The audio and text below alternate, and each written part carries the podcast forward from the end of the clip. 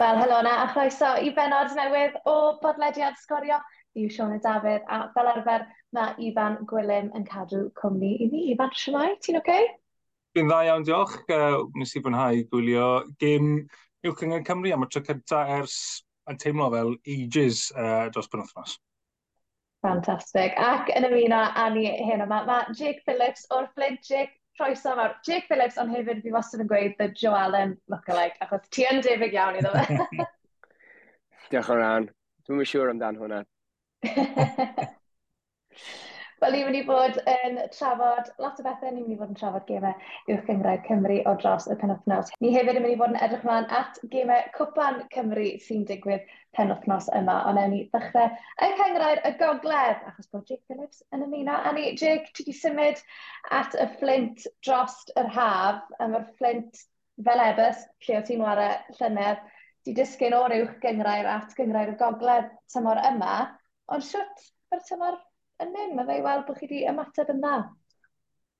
Do, yn sicr. Um, dwi'n meddwl os ydych chi'n edrych ar sut ath tymhora blwyddyn diwetha o ran Airbus a Flint, um, wrth gwrs, os ar ddau tîm wedi bod yn hollol siomedig efo sut nath y tymor orffen o ran gofyn mynd lawr i, i gyngor y gogledd. Ond uh, yn anffodus i fi, o'n ni efo Airbus ac uh, i fod yn onest, oedd y tymor ddim yn un gret o gwbl. Ond maen nhw wedi ymateb yn gwych fel, fel fos ni wedi ddisgwyl. Ac uh, ar hyn o bryd nhw sy'n arwain y ffordd iddyn ni a, a treffynon, Ac uh, mae weld yn edrych bod, bod o'n mynd i fod yn tymor reit gystadleuol. Ac uh, bydd y tri tîm yna'n brwydro reit tan y munud olaf, dwi'n meddwl. Ac uh, mae'n rhywbeth neis i fod yn ddo. Um, ti'n gwybod, dyn ni, dyn ni fel Flint wedi dechrau'r tymor yn reit dda. Uh, dyn ni wedi ennill rhan fwyaf o gemau ni, gyda cwpl o gemau gyfartal. Ond uh, dyn ni yn hyderus efo, efo'r garfan sydd ganddyn ni ac uh, sut mae'r dechrau'r tymor wedi fynd hyd yn hyn, bod, bod ni mewn lle da er mwyn fod yn rhan o'r ras yna reit tan diwedd y tymor ac uh, yn amffodus dim ond un sy'n mynd fyny, ond uh, fel dwi'n siŵr bod chi'n gwybod ni sydd yn hyderus ac yn gobeithio Flint fydd yn mynd fyny diwedd y tymor. O'n i'n gweld do mewn i'r penwthnos sy'n ei ddod, a fi gweld gyda chi gêm wedi gwehirio achos tywydd, a nath Trifferon hefyd, Ebus yn cael gêm, felly maen nhw, oedd yn rili really dyn, oedd y tri o chi ar yr un maint o pwyntiau dyma i'r penwthnos, Ebus yn dwy'n o blaen, ond beth sy'n ddiddorol gweld bod y tri tîm yna a y wyddgrig sy'n bedwerydd, pedwar tîm ar brig y cyngor y gogledd, i gyd yn dod o Sir Flint. ti wedi chwarae i, i Ebus a Flint, fan i'n gweud. Beth yw'r gyfrinach, beth sy'n ein pildrod? Beth sydd yn y dŵr yn Flint? Ie. Wel, i fod yn holl onest, fi o Wrexham, dwi'n methu ddeud bod yna llawer o, o Flint dwi'n cael ei helpu fi na. Um, ond um, dwi'n siŵr, fatha, mae tre ffynon, maen nhw wedi bod yn grif dros y tymorau diwetha. Um, os ydych chi'n edrych nôl at tymor diwetha, Bai Colwyn oedd y tîm gryfach dros y tymor yn y diwedd, ond uh, dim ond ychydig o gemau nath uh, tre ffynon colli pwyntiau yna, dwi'n siŵr yn erbyn Bai Colwyn oedd y gemau yna. Ac unwaith eto, maen nhw wedi dechrau'n gwych tymor yma. Ti'n gwybod, gafon ni gem Andros y Galad yn erbyn nhw yn Flint, a dwi'n siŵr fydd y gêm yn cael nhw treffyno'n diwedd y tymor yn gêm gystadleol unwaith eto. Mae nhw'n tîm andros y cryf, maen nhw'n nabod y gyngor yn dda iawn, mae, mae ffordd o'i chwarae nhw, uh, maen nhw'n gwybod sut i cael canlyniadau mewn y gemau anodd yna, lle ydych chi'n gorfod greindio'r canlyniadau allan mewn tywydd ofnadwy neu mewn ceiau sydd ddim cweith mor dda be fes chi'n disgwyl. Ond dyna beth sy'n neud y gyngor yn diddorol i mi. Um, ti'n gwybod, yn gorfod mynd allan a profi eich gwerth, o bob wythnos. Dio ddim yn gêm, os oes ddim, ddim gêm hawdd nag oes, a da ni'n gwybod hwnna yn yr uwch gyngor Cymru, ac hefyd wrth gwrs yn y, yn y gogledd am, dwi'n siŵr, yn, yn y de. Mae bob un gêm yn gystadleuol, ac wrth gwrs pam ydych chi fyny yn y top, y tri tîm uchaf, mae pawb eisiau cyrra chi. Mae fel cup final iddyn nhw bob un pnawn disadwn, a da ni wedi ffeindio hwnna tymor yma. Os da ni ddim yn cael goliau yn fian, neu os ni ddim yn gael dau neu tri gol o flaen ti mai, maen nhw bob tro'n teimlo bod nhw yn y gêm, ac maen nhw'n rhoi gêm andros y gystadleuol iddyn ni reit tan y munud olaf. Mae'r ffaith bod chi'n digiro hefyd, Jake, jyst faint o hwb a faint o, I guess, cymhelliant ychwanegol mae hwnna'n rhoi i chi. Dyfer nod yw i gyrraedd diwedd y tymor, falle bod chi dal yn digiro. Wel dyna ni, os ni'n edrych ar gemau cyngor ni, um, da ni, fel ti'n dweud, da ni wedi bod yn andros dda o ran beidio goffi. Um, yn anffodus athyn ni allan o'r cwpan MG ar dechrau tymor ar ôl gêm gyfartal colli ar cicio'r smotyn. Um, a wedi colli dim bych yn diweddar yn y, yn y cwpan y gyngra ei, ei ni. Um, ac oedd hwnna bach yn siomedig er bod nifer o chwaraewr wedi cael gorffwys a cyfle i chwaraewr ifanc cael cyfle i chwarae. Ond fel ti'n deud, pam ti'n chwarae mewn tîm sydd yn ennill bob wythnos, mae'n dechrau dod bach fwy fatha yn naturiol. Ti'n gwybod, da ni'n mm. troi fyny ar nos fawrth, ar nos iau, ac da ni'n ymarfer yn galed. Da ni ddim eisiau hyd yn oed bod ar y tîm sy'n golli mewn ymarfer. Ac mae hwnna di fatha drilio mewn iddyn ni wan. Dyna di'r nod wan. Da ni'n sicr yn gwybod da ni yn gallu curo rhan fwyaf o'r tîmau yn y gyngrair. Rhaid i ni performio wrth gwrs, a rhaid i ni wneud ein swydd i ni yn ddigon dda i ennill gemau yna. Ond uh, i fynd fewn i bob un gêm, da ni'n ni gobeithio yn nod ydy, yn gyntaf, trio peidio ildio, sydd yn caniatau iddyn ni gobeithio sgorio goliau ac ennill gemau. Ond os ydyn ni yn ildio, da ni'n gwybod bod gen ni ddigon yn y garfan i gobeithio ennill y gemau. Ac uh, fysa hwnna'n gret, ti'n gwybod, dwi'n cofio dwy, tair flynedd yn ôl gath Airbus y rhediad yna gwych, lle oedden nhw 17-18 gemau. Dwi'n siŵr nath nhw ennill nhw gyd, i fod yn onest, ond uh, Fe ni ddim digon ffodus i gael hwnna ar hyn o bryd, ond uh, 11 gêm da ni wedi chwarae hyd yma. Mae yna dal lot i fynd, ond uh, os oes ni'n cyrraedd diwedd y tymor heb di golli, dwi'n meddwl fos ni'n mewn lle ffantastig erbyn diwedd y tymor. Beth sy'n credu yw'r gyfrinach i Flint, tymor o Magic? Um, I fod yn onest, uh, y cymeriadau sydd gennym ni o ran y garfan, ti'n gwybod mae gennym ni lot o chwaraewyr brofiadol, maen nhw wedi uh, Maen nhw wedi chwarae nifer o gemau yn uwch gyngrau Cymru, nifer o gemau yn uwch gyngrau Lloegr dros y gyngreiriau gwahanol.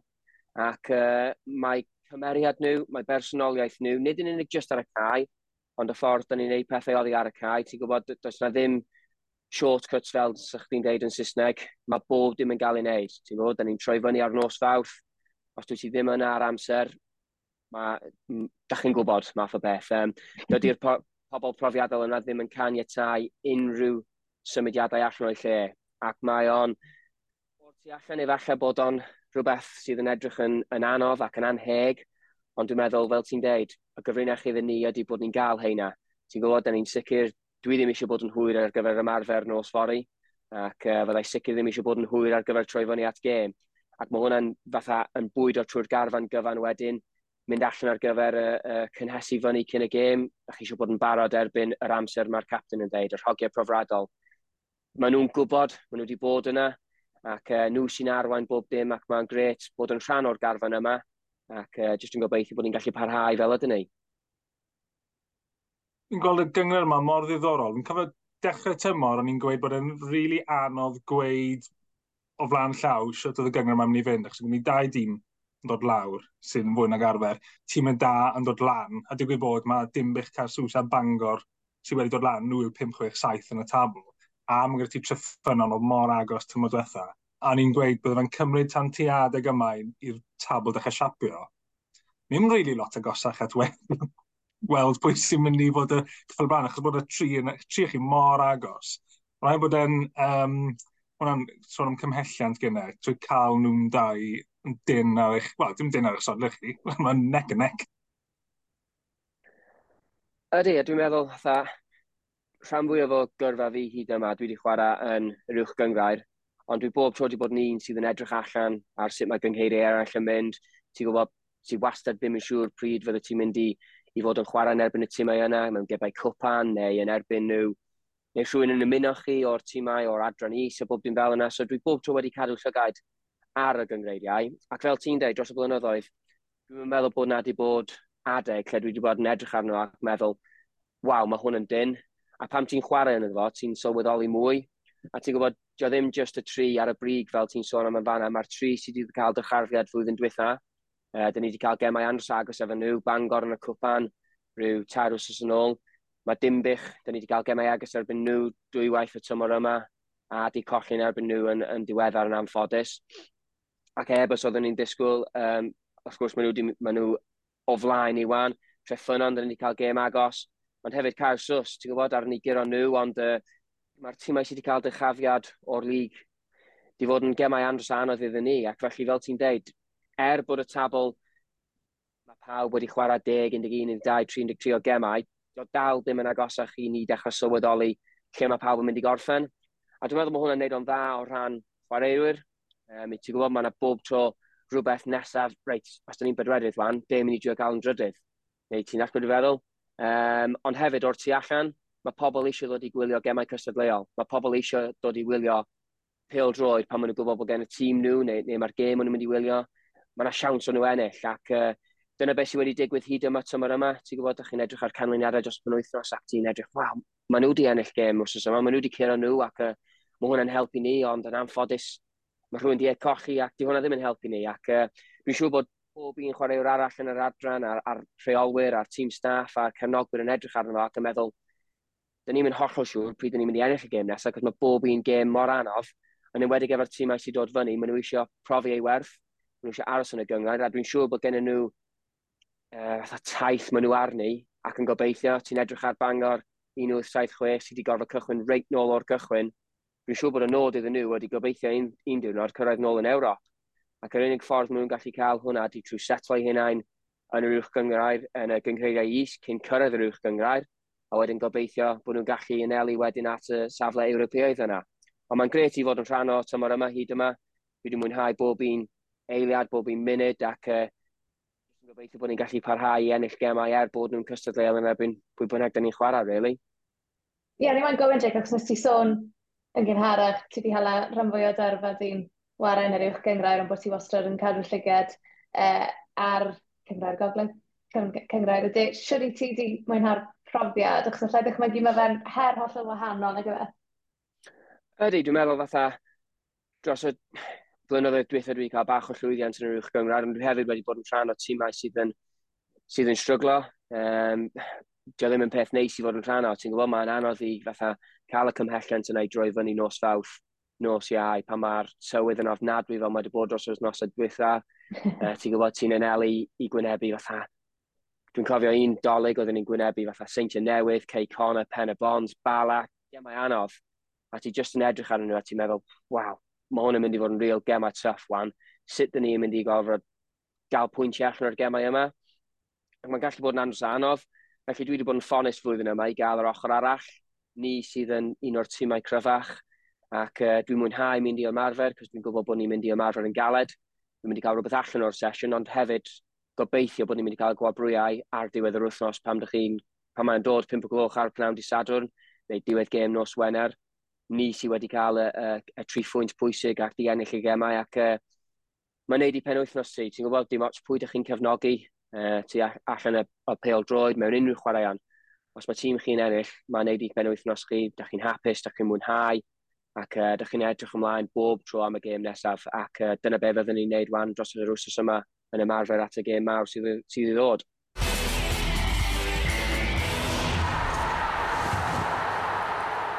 At uwch gynnaf y Cymru, achos mi oedd yna gemau fyna dros penwthnos er gath Hwlffordd yn erbyn y seintiau newydd i ohirio. Uh, y gêm fyw i fod ar uh, sgorio oedd Pen y Bont yn ebyn y bala. Mi oedd yna broblemau technegol ac ni'n ymddihir o'n fawr am hynna, a siomedig i fi, o'n i adren ar ôl, ar ôl mynd mas i wylio gêm, ys i'n nôl mewn yn gobeithio gweld. Uh, Balan Ciro Pen y Bont o ddwy ddim, felly um, cyfnod gwael Pen y Bont yn parhau. Uh, mae yna ymwneud â tyn arnyn nhw gyrraedd y chwech eicha ar hyn o byd fel mae'n sefyll, a mae'n gwybod mae'n gemau anodd yn dod lan hefyd. Uh, mi o'n i yn Cencoed yn gwylio Met Cyrdydd yn ebyn Aberystwyth. Uh, Met y Geiro o bedair gol i ddwy, oedd hi'n game of two halves, byddwn ni'n gweud, oedd Met yn un i ddim uh, lan ar yr egwyl, a oedd hi'n hanner sal iawn i wylio, oedd hi'n boring iawn, a wnaethon ni wedi hanner amser, gobeithio bod hi'n mynd i fod yn ail hanner gwell, a mi oedd hi, oedd hi, oedd Aberystwyth, er bod nhw dwy ddim lawr ar un adeg, do nôl dwy yr un, a ni'n cofio pum mlynedd yn ôl o'n i'n cyn coed pan nath Aberystwyth o'n ôl o dwy ddim lawr ac ennill yn injury time, Ashley Rwan um, ennill tair i ddwy, ond na Met yn dod nôl ac yn ennill 4 gol i ddwy. Uh, so am dod nôl, oedd Drenewydd, uh, un o gyndi gyndymau, e, Jake, wedi dod nôl, a oedd nhw'n tŵan lawr yn ebyn bai Colwyn dod lan i ennill 4 gol i ddwy. Pont y pryd, o'n nhw ar y blaen o gol i ddim yn ebyn Cynarfon, ond Cynarfon yn ennill o dwy gol i un. A wedyn i'r gym arall, oedd, oedd dim dod nôl. Oedd Ceicona bell ar y blaen yn ebyn Bari, saith gol i ddim. A cyn bod ni'n symud ymlaen i siarad am biti Cey Connor a i gewn nesaf nhw. Uh, newn ni sôn am y bari, a newn ni glywed ymateb Steve Jenkins i'r golled trwm yna yn uh, dros byn. In any game of football, you've, you've got to fight, you've got to run, you, you know, you've got to work hard. And it was far too easy for Connors Key to, to play through us, get behind us, and some of the goals were, were really, really poor. Um, but we need to bounce back, um, and we will all right? We're still a long way off. We know we've got a lot of work to do, um, and we're going to take moments like this. But it's important now that we that we learn from it and we bounce back from it and make sure now that when we go into these these games now up up to Christmas and around Christmas that we back to where we were the last couple of games. All right, so I'm going to put it down as a as a blip. Ie, yeah, byddwn ni ddim yn licio bod yr nesau i chwarae yn y byn Cey Cornell wrth nesaf, ond edrych ar y fixture list, Jake, chi sy'n gwynebu nhw. A ni'n sôn gyda am, tyd, ambyti, gyda chi, pob un yn chwarae cup final am chi, achos chi'n un o'r cyffel y blaen yn uh, y cyngred y gogledd, ond tro hyn, chyd, hwn yw'r big, un o'r falle gem anodd a chi'n mynd i chwarae tymor yma fe. Gem anodd iawn yn dod lan i chi'n cwpan yn erbyn y Ceicona. Ie, yeah, yn sicr, does dim dwywaith amdano peth. Um, ti'n gweld pan oeddwn ni'n edrych ar cyrraedd y rownd yma, um, oeddwn ni'n gwybod mwy o thebyg os ni'n cael gêm yn erbyn rhywun yn, yn yr uwch gyngrair. Ac um, yn anffodus, ni sydd wedi delio Cey Connor. Ac fel ti'n sôn, ar ôl iddyn nhw gael perfformiad mor dda ac ennill saith i ddim, dwi ddim yn siŵr os di hwnna'n well i chwarae nhw ar ôl iddyn nhw golli neu ddim. Um, ti'n gwybod, mae, mae gen nhw andros o chwaraewyr dda ar hyn o bryd sydd yn perfformio'n reolaidd yn wythnosol.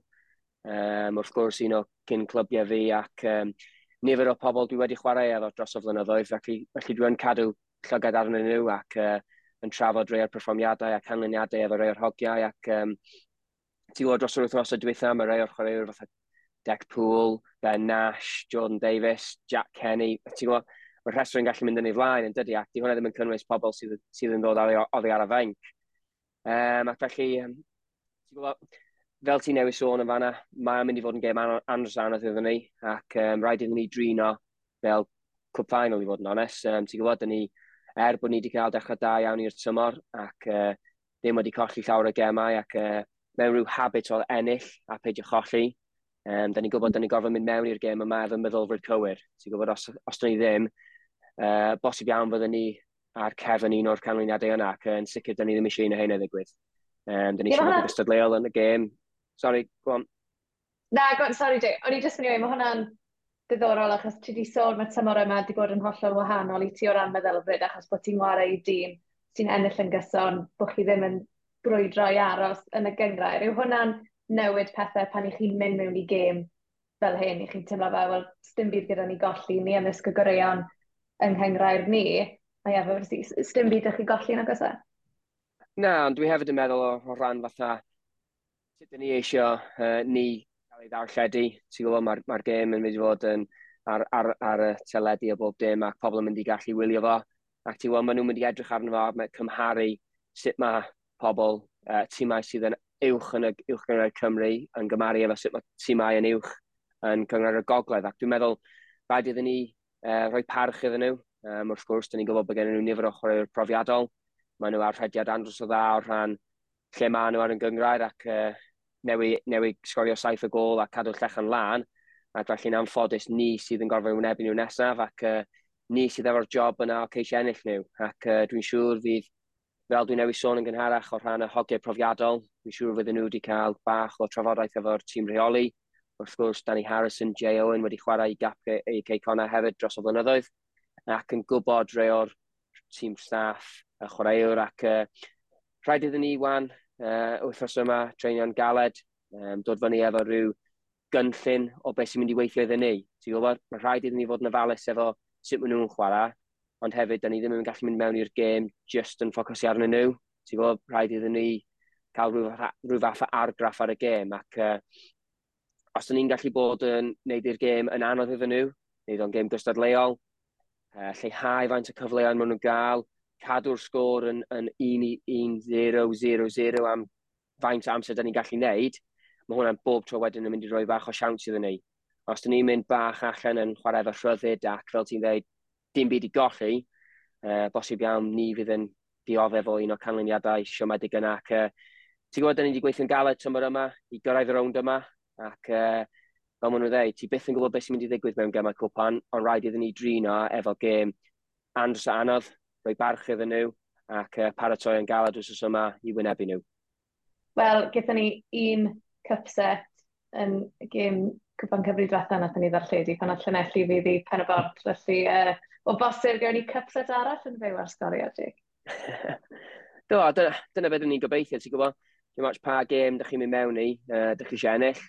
Um, dyna ni'n gwybod yn sicr o rhan gemau gyngrair ni, mae'n ma mynd i fod yn hollol wahanol i hwnna ti'n gwybod, mae ma mwy o pwysau yn mynd i fod arnyn nhw. Mae nhw mwy na thebyg yn cael, mynd i gael mwy o'r pêl, mwy o'r meddiant, mwy o cyfleon. Ond rhaid iddyn ni i ffeindio ffordd i asal nhw sgorio goliau a ceisio cael cyfleon. Ac uh, o be dwi wedi gweld tymor yma o rhan tîm ni, dwi'n gwybod da ni'n gallu ffeindio ffordd i achosi broblemau iddyn nhw. Ond dwi'n siŵr fydd uh, Neil Gibson a'i tîm staff wedi bod yn gwylio ni yn y falus. Uh, di ceisio cael rhyw fath o uh, footage uh, o beth sut ni wedi bod yn chwarae, ceisio siarad efo rheolwyr eraill yn y gyngor ni, i geisio dod fyny efo cynllun iddyn nhw ennill y gêm fel mae'n neud bob un wsos. Ac ti'n gwybod, mae'n andros o drylwyr yn ei barfformiadau, ac ar ôl ennill o saith i ddim, dwi'n gwybod fydd Neil Gibson ddim yn set on hwnna, fydd eisiau ennill y gêm nesaf yn wyth i ddim, ac uh, dyna fel mae o, ac uh, ni sy'n anffodus yn gorfod dialu efo hwnna wrth nesaf. Don am Neil Gibson, fi'n ni'n gwybod pa mor drylwyr yw e, fi'n gweld ddim yn ceien de Cymru pan mae fe'n neud i waith cartre. Ond fi sôn gen am ti tîm y ffrint neu'n dda yn cyngred y gogledd, ond mae hwn yn gêm ddarblu holl o wahanol, chys chi'n rhannu'r un cae, so os ydyw'n mater o wneud i waith cartre, dim gallu bod yn haws, ond chi, Cei Cona a Mynydd y Fflint, i gyn chwarae penwthos yma yn Cwpan Cymru, chi gyn rhannu'r un cad. So mae hwnna'n gweithio o ran, chi'n gweld y tîm oedd eraill yn aml, chi'n ymwy, ymwybodol iawn bod chi'n rhannu car, neu ydych chi just beth yn troesi? Um, I fod yn onest weithiau, fatha pan ydych chi'n cyrraedd ymarfer, mae yna rei adegau lle ti'n gweld y byrddau Connors Key wedi cael ei troi drosodd ar gyfer hysbysebu a bob dim, ond y rhan hwnna, da ni'n mynd gweld llawer o'n gilydd. Um, ti'n gwybod, dwi'n gwybod mae Mynydd, Llan, uh, Mynydd y Flint yn chwarae rhan fwyaf o gemau ar nos Wener, uh, sydd ddim really yn amharu arnyn ni wedyn. Ond hefyd i, i ni, i fi yn bersonol, uh, Kai Flint ydi o. Falle ti'n gwybod ti'n troi fyny i Flint, uh, Castell y Flint, ti'n troi fyny Marsetti yn di a gwyn, ti'n gweld y baneri a gwmpas y cae yn Flint. Ac ac i fi, mae'n mynd i fod yn gêm gartref. Ti'n gwybod, os, os ti'n gofyn hwnna i un o chwaraewr Cey Connors os yma, dwi'n mwyn siŵr am sut bys nhw'n teimlo rhan troi fyny fel tîm ofi cartref. Ydy pethau mynd i fod chydig bach yn wahanol iddyn nhw? Dwi'n mynd siŵr ond uh, mae rhaid iddyn nhw just trino fel gêm arall. Ti'n gwybod, diolch moch. Dydy'r cae ddim yn mynd i newydd. Mae dal yn mynd i fod yr un 3G. Mae'n 11 yn erbyn 11. Mae'r pel yn gorfod mynd yn cefn y rhwyd. Mae mor syml â hwnna yn diwedd y dydd yn dydy. Um, ond i fi, byddwn ni'n ymarfer yna wrth yma. Ac uh, gobeithio ni sydd yn dod allan o'r gêm wedi manteisio bod ffaith Flint sy'n chwarae yna bob un wsos. Wel, mae yna benwthnos llawn dop o Bale Road yng Nghwpan Cymru penwthnos yma. Nos Wener, Sian Sawel yn erbyn Llanelli, dau o gyngrau'r y de a cynta yn erbyn ai, felly mae hwnna'n gaddo i fod yn dipyn o gêm. Wedyn ni, mae dyn ni mynydd y Flint, tîm arall o'r Flint, yn erbyn de gwyr. Dau dîm o'r drydedd hain, ni wedi sôn fel wersi, a mynydd y Flint. Um, a un arall. Ie, yeah, maen nhw'n rannu'r un caid, dy gydw? Ie, yeah, rannu'r un caid, ond mae gêm dydd Sadwn yn Nedd y Parc yn Cwrs Oswallt, achos bod y gêm gormod y gêm yn digwydd ar Pai Castell. Mae hwnna, ie, yeah, mae hwnna'n sôn am lot o, lot o waith trefnu. Um, Wedyn ni, Caira Sialai yn erbyn y bala. Ifan, na ble ti'n mynd i fod? Ie, yeah, fi'n mynd i gael golwg ar... Um, so mae Ceirau sy'n newydd cael dyrchafiad lan i'r ailhain nôl yna. Nethon nhw ennill cyngor y de yn 2015 gyda'n arweiniad Nana Ba um, nôl lan yn y gyngor yna nawr. Um, felly, ie, yeah, diddorol gweld, maen nhw'n cael dechrau weddol da i'r tymor yn cyngor y de. Maen nhw wedi curo uh, Afan Legdo a Gresfordd yn y gwpan i'r hediad hyd yn hyn. Felly, hwn yw'r gêm anodd maen nhw'n cael tymor yma hyd yn hyn, bala, tro cyntaf nhw fynd i Ili. Wedyn ni, cerfad maen nhw'n croesawu'r seintiau newydd. Mae Colwyn yn erbyn y Bari Porffordd yn erbyn Met Cyrdydd a wedyn Port yn erbyn Bwcle 2 o gyngrair y Gogledd. Ond mae'r Flint yn erbyn Ceicona, mae'n byw ar Esbrorec dydd Sadwrn am 20 munud wedi 5. Felly Jake, pob lwc enfawr i ti a'r tîm. Yna ni fel chi dydd Sadwrn. Wel. A diolch i chi adre am rando fel arfer, felly wrtho fi, Ifan a'r criw i gyd o sgorio. Dyna ni chi tro nesaf.